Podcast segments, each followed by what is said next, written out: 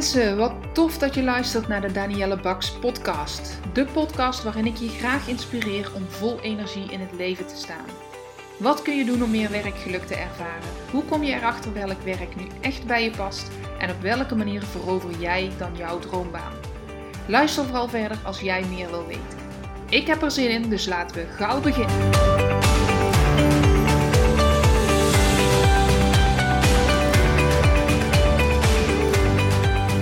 Deze podcast is geïnspireerd door verschillende vragen die hetzelfde thema raken van klanten, van mensen waarmee ik de afgelopen dagen ben omgegaan.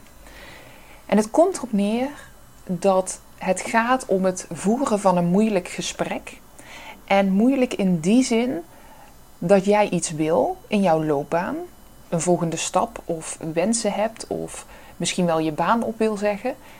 En dat het je tegenhoudt om in gesprek te gaan met je collega's of met je leidinggevende, omdat je bang bent voor de reactie die je krijgt. Of gisteren zei iemand: Ja, moet ik met die opdrachtgever wel in gesprek? Want als ik dit ga zeggen, iets wat ik niet meer wil of wat ik anders wil, dan gooi ik misschien mijn eigen ruiten in. En dat is de moeilijkheid van het gesprek wat je wil voeren. Je bent bang dat je je eigen ruiten ingooit. Daarover gaat deze podcast.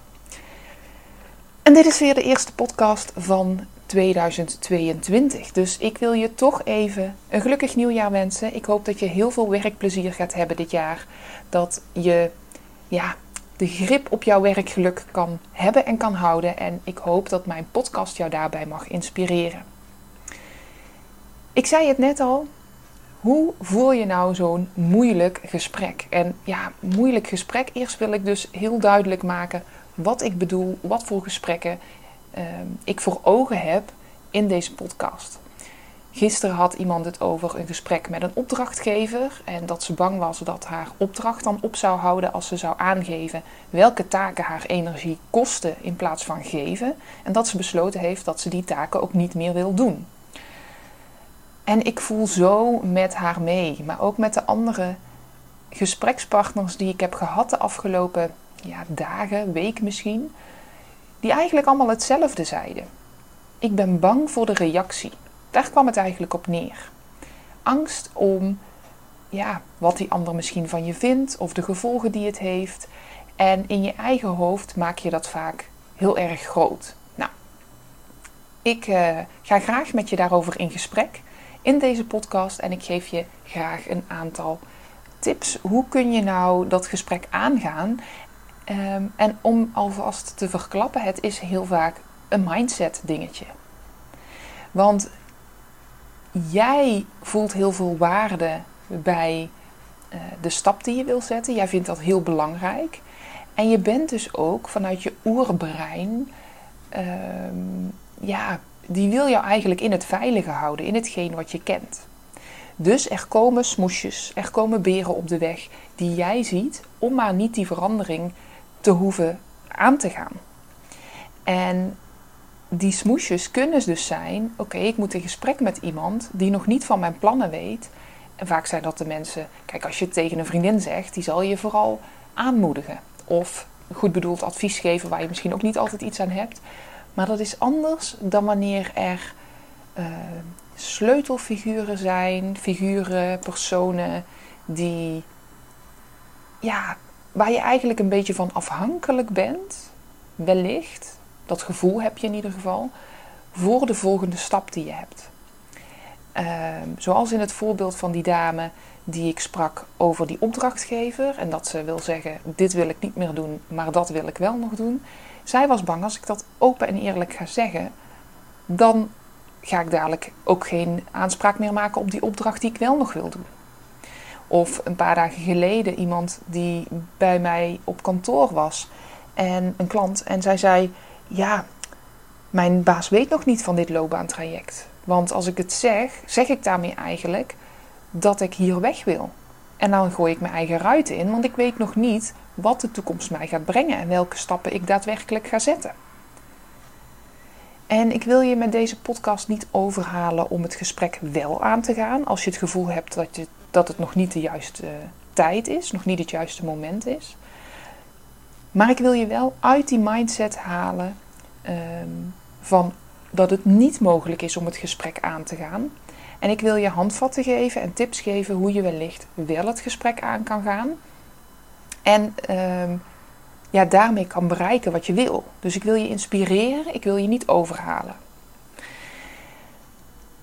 Even kijken. Nou, ehm, ik heb wat aantekeningen gemaakt, dus daarom moet ik heel even kijken wat ik ook alweer allemaal wil vertellen. Een van de belangrijkste dingen is op voorhand wat jij tegen jezelf zegt voordat je het gesprek ingaat. En dan bedoel ik van het moment dat je bedenkt: hé, hey, ik moet in gesprek met die persoon, tot aan het moment dat dat gesprek ook daadwerkelijk gaat plaatsvinden. Want in die tijd, en dat kunnen soms dagen zijn, soms weken zijn, soms uren zijn, maar in die tijd maak jij jezelf hoogstwaarschijnlijk je hoofd helemaal, helemaal zot, zouden ze in België zeggen. Je maakt jezelf helemaal gek. En dat doe je omdat je aannames doet. Aannames over hoe de reactie wel niet zal zijn van die ander. Aannames over wat de ander wel niet van jou zal denken. Of wat de ander wel niet zal vinden van hetgeen dat jij wil gaan doen. Van de, de stappen die jij wil gaan zetten. En heel vaak zijn die aannames die jij doet helemaal niet de waarheid zoals het ook daadwerkelijk zal gaan. Denk maar eens terug aan gesprekken die je al gevoerd hebt. Je hebt van tevoren misschien al 101 situaties, reacties, uh, 101 keer het gesprek gevoerd. En daarin dus heel veel reacties al voorbij laten komen in je hoofd. Ter voorbereiding, zodat je na kan denken hoe ga je reageren als dit en hoe ga je reageren als dat gebeurt. En denk dan maar eens terug aan zo'n situatie en hoe het gesprek of de situatie daadwerkelijk is gegaan. Ik durf je met je te wedden dat het in de meeste gevallen, en dan heb ik het echt over 99 van de 100 gevallen, de reactie misschien heel anders is geweest dan dat jij van tevoren dacht. En ik heb zelf zo'n reactie, of zo'n voorbeeld van zo'n reactie. Want ik was uh, ehm, 23, ik besloot om naar Amerika toe te gaan. Daar had al wat voorbereiding in gezeten, maar uiteindelijk dacht ik, ja, de zekerheid houdt me toch wel een beetje tegen. Ik had een vaste baan, een leuke baan op zich. Ik had uh, nou ja, van alles, maar die leuke baan, daar ging het mij om. En ik dacht, ja, als ik nu, wil ik mijn baan behouden? Of ga ik voor mijn droom om naar Amerika toe te gaan? Met het risico dat ik mijn baan dus verlies. Ehm, en ik dacht toen, ja, ik ga mijn baan opzeggen. Ik wil zo graag naar Amerika, dan maar een andere baan als ik terugkom. En ik zal best wel weer werk vinden. En desnoods ga ik achter de kassa in de supermarkt. Voor de time being. Ehm, maar ik wilde zo graag die stap zetten. Dat ik besloot, ik ga die, mijn baan opzeggen. En ik ga met mijn of mijn baas in gesprek. En dat vond ik super spannend. Want ik dacht, oh, ik heb net dit gekregen. En ik heb net die kans gekregen. En ik mocht dit. En dus ik, ik zag voor me wat zij allemaal voor mij had gedaan de afgelopen jaren.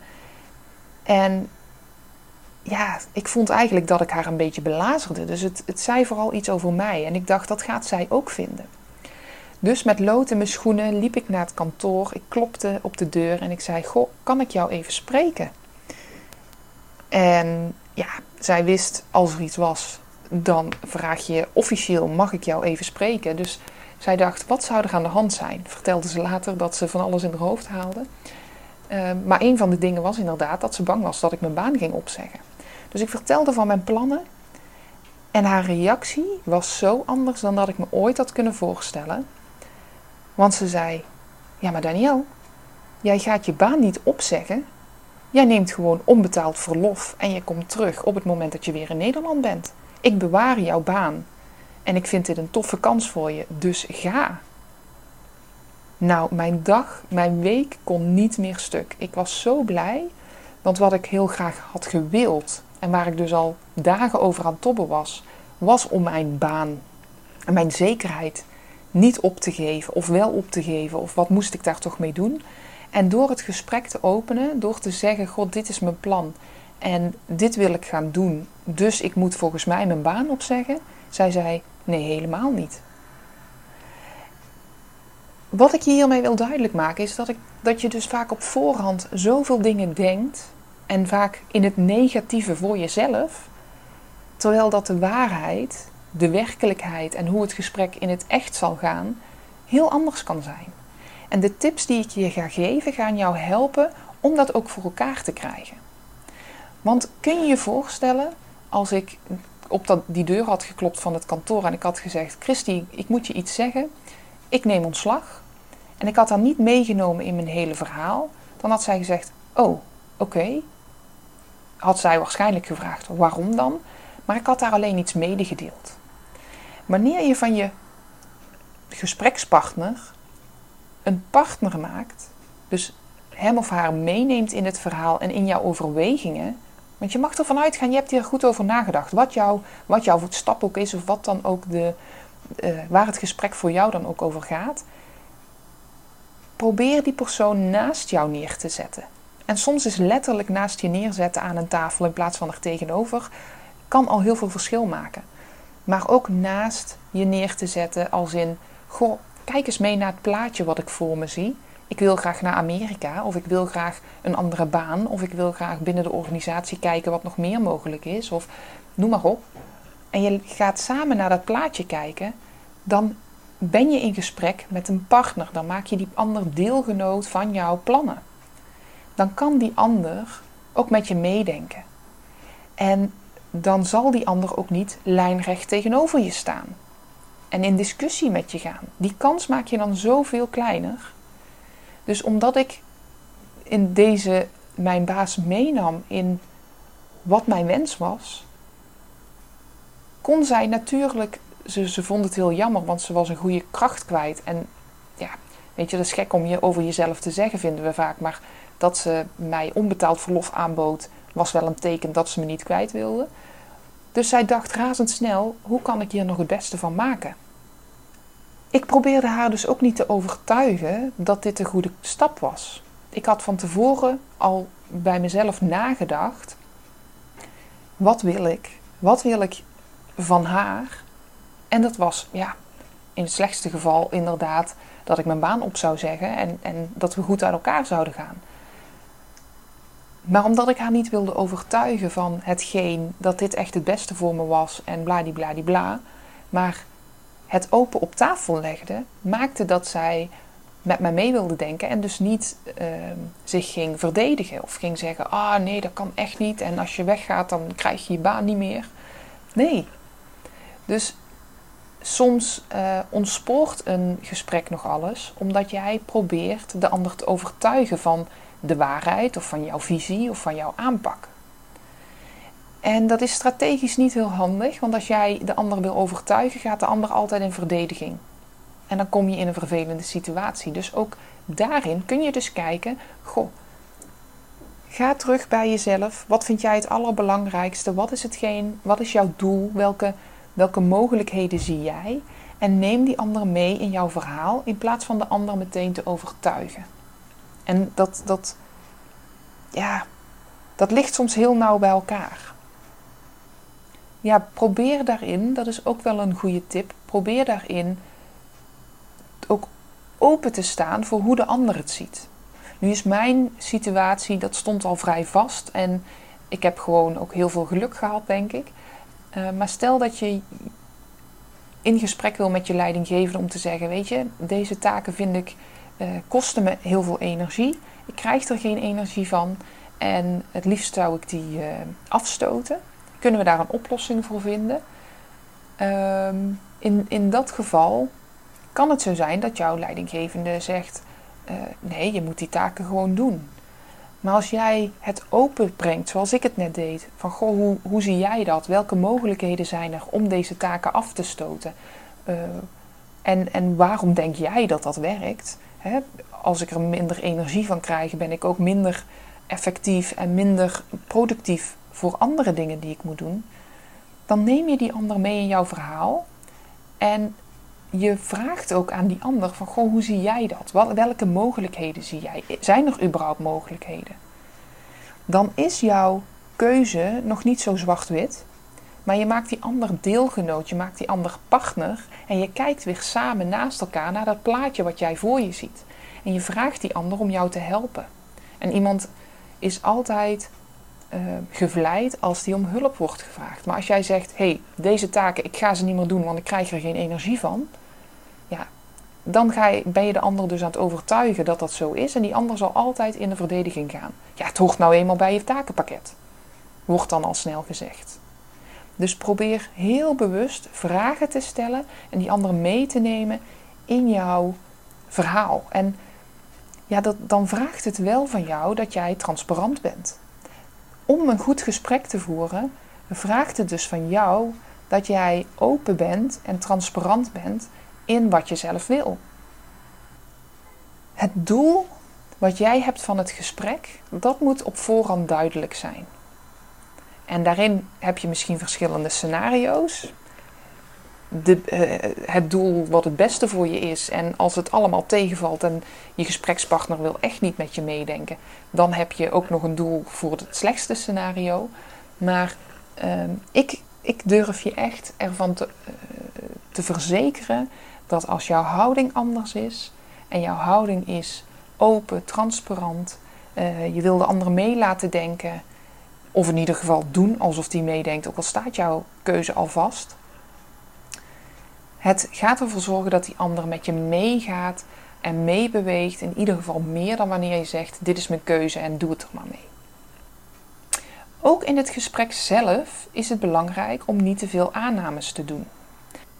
Er komen soms reacties van je gesprekspartner waarvan jij denkt: Ah, zie je wel, zie je wel, ik heb mijn eigen ramen ingegooid. Hij of zij wil dit van me. Of zie je wel, het interesseert hem of haar helemaal niet. Dat zijn aannames die je doet die gevaarlijk zijn. Want uh, jouw brein werkt zo dat je gaat zoeken naar dingen die bevestigen waar jij al bang voor bent. Dus als jij bang bent, hé, hey, ik ga mijn eigen ramen misschien ingooien, dan, en, en de gesprekspartner zegt iets, dan zul je denken, ah ja, zie je wel, hij of zij denkt dat ook. Dus doe niet die aannames, maar vraag. Hoe bedoel je? Wat denk je nu? Ook al denk jij, ik weet zeker dat ze dit bedoelt, dan laat die ander dat maar letterlijk herhalen. Maar ben nieuwsgierig. En over nieuwsgierigheid, het is sowieso mooi om vragen te stellen. Om ehm, de ander te bevragen Net zei ik al van, goh, hoe zie jij dat? Of wat voor mogelijkheden zie jij? Maar je zou ook kunnen vragen, wat voor effect heeft het op, op ons team als ik deze taken niet meer zou uitvoeren? Of ehm, heb jij misschien ooit hiermee te maken gehad? Dat je geen energie kreeg van bepaalde taken, maar van andere taken wel? Is er iets wat mij zou kunnen helpen? Dus dat je echt naar oplossingen vraagt. Wat ook een goede tip is, is om te kijken naar wat is jouw eigen aandeel in deze situatie. Laatst had ik iemand, ehm, die dame die zei: Goh, mijn leidinggevende weet niet van dit loopbaantraject. Um, zij zei: Als ik het wel ga zeggen, dan gooi ik mijn eigen ramen in. En toen vroeg ik ook aan haar: Ja, wat is jouw eigen aandeel hierin? Je werkt al lang voor deze werkgever. Je hebt heel veel jaren met plezier hier gewerkt. En nu heb je er letterlijk hoofdpijn van en kan je ehm, dagen in je bed liggen. Wat is, het, wat is er gebeurd in de tussentijd en wat had jij daarin anders kunnen doen al eerder? Dus erken je eigen aandeel. En wellicht kun je dat ook bespreken in zo'n gesprek.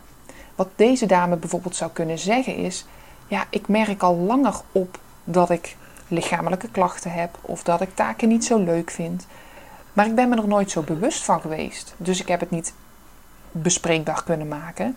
Of ehm, ik heb het niet gedurfd. Of ik wist het wel, maar ik, ik heb het nooit aangegeven. En dat is mijn eigen aandeel erin. Ik heb niet eerder ingegrepen. Misschien heb jij wel een heel ander voorbeeld. Dus kijk, wat is je eigen aandeel en leg dat dan ook op tafel. Dat maakt ook weer een stukje dat je je open en ehm, ja, kwetsbaar is misschien niet het goede woord, maar dat je je open opstelt en dat de ander ook met je mee zal denken in plaats van je aan zal vallen waar je zo bang voor bent in zo'n gesprek. Al met al is een gesprek dus heel vaak in jouw hoofd een heel groot iets. En zul je merken dat in de praktijk het altijd anders gaat. En vaak ook dat je achteraf denkt: Oh, dit had ik veel eerder moeten doen. Je bent opgelucht. Je denkt: Oh, wat fijn, het is achter de rug. En eigenlijk viel het allemaal wel mee. Als je dat herkent, weet dan dat het echt een mindset dingetje is. Dat jij beren op de weg ziet, dat jij smoesjes in je hoofd verzint waarom je vooral het gesprek niet aan moet gaan. En dat je daardoor jezelf eigenlijk gek aan het maken bent. Terwijl als jij met je mindset denkt: oké, wat ik nu allemaal denk, zijn dat feiten of zijn dat aannames? Probeer daar dan van weg te gaan. Probeer je, je hoofd te verzetten, je gedachten te verzetten. Of probeer zo snel mogelijk dat gesprek te houden, zodat je weet wat er gaat komen. Als je te lang tegen dat gesprek aanhikt, ga je er als een berg tegen opzien, omdat je continu die beren op de weg ziet en gaat bedenken: wat kan er allemaal gebeuren? Je doet continu aannames. Dat wil je voorkomen. En dan zul je merken dat heel vaak de meest moeilijke gesprekken heel erg meevallen. En ja, de gesprekken zijn toch vaak nodig om ook daadwerkelijk in actie te kunnen komen, om die stap verder te zetten. Ik hoop dat ik je hiermee heb mogen inspireren, dat ik je mee heb geholpen om je mindset te veranderen en om gewoon dit gesprek aan te gaan. En ik ben heel benieuwd hoe het gesprek ook daadwerkelijk gaat. Als jij deze podcast hebt geluisterd en je past tips toe of adviezen toe of je bent geïnspireerd, laat het me weten en laat het me weten wat het effect ervan is geweest. Dat kan je doen via Instagram of via mijn mail. Maar laat het me weten, want al is er maar één iemand die hierdoor de moed bij elkaar raapt en in gesprek gaat en bereikt wat hij of zij wil bereiken. Dus jij zet die stap en je, je, het levert je iets op. Daarvoor maak ik deze podcast. Wat ik heel tof zou vinden is als jij op Apple Podcast een review wil geven. Of op Spotify kan ook een review wil geven. Een aantal sterren wil geven voor deze podcast. En het zou heel tof zijn als je ook een geschreven review wil geven over wat je vindt, welke inspiratie je haalt uit de podcast, noem maar op. Echt heel erg gaaf. Daarmee help je mij om meer mensen naar mijn podcast te leiden. Dankjewel.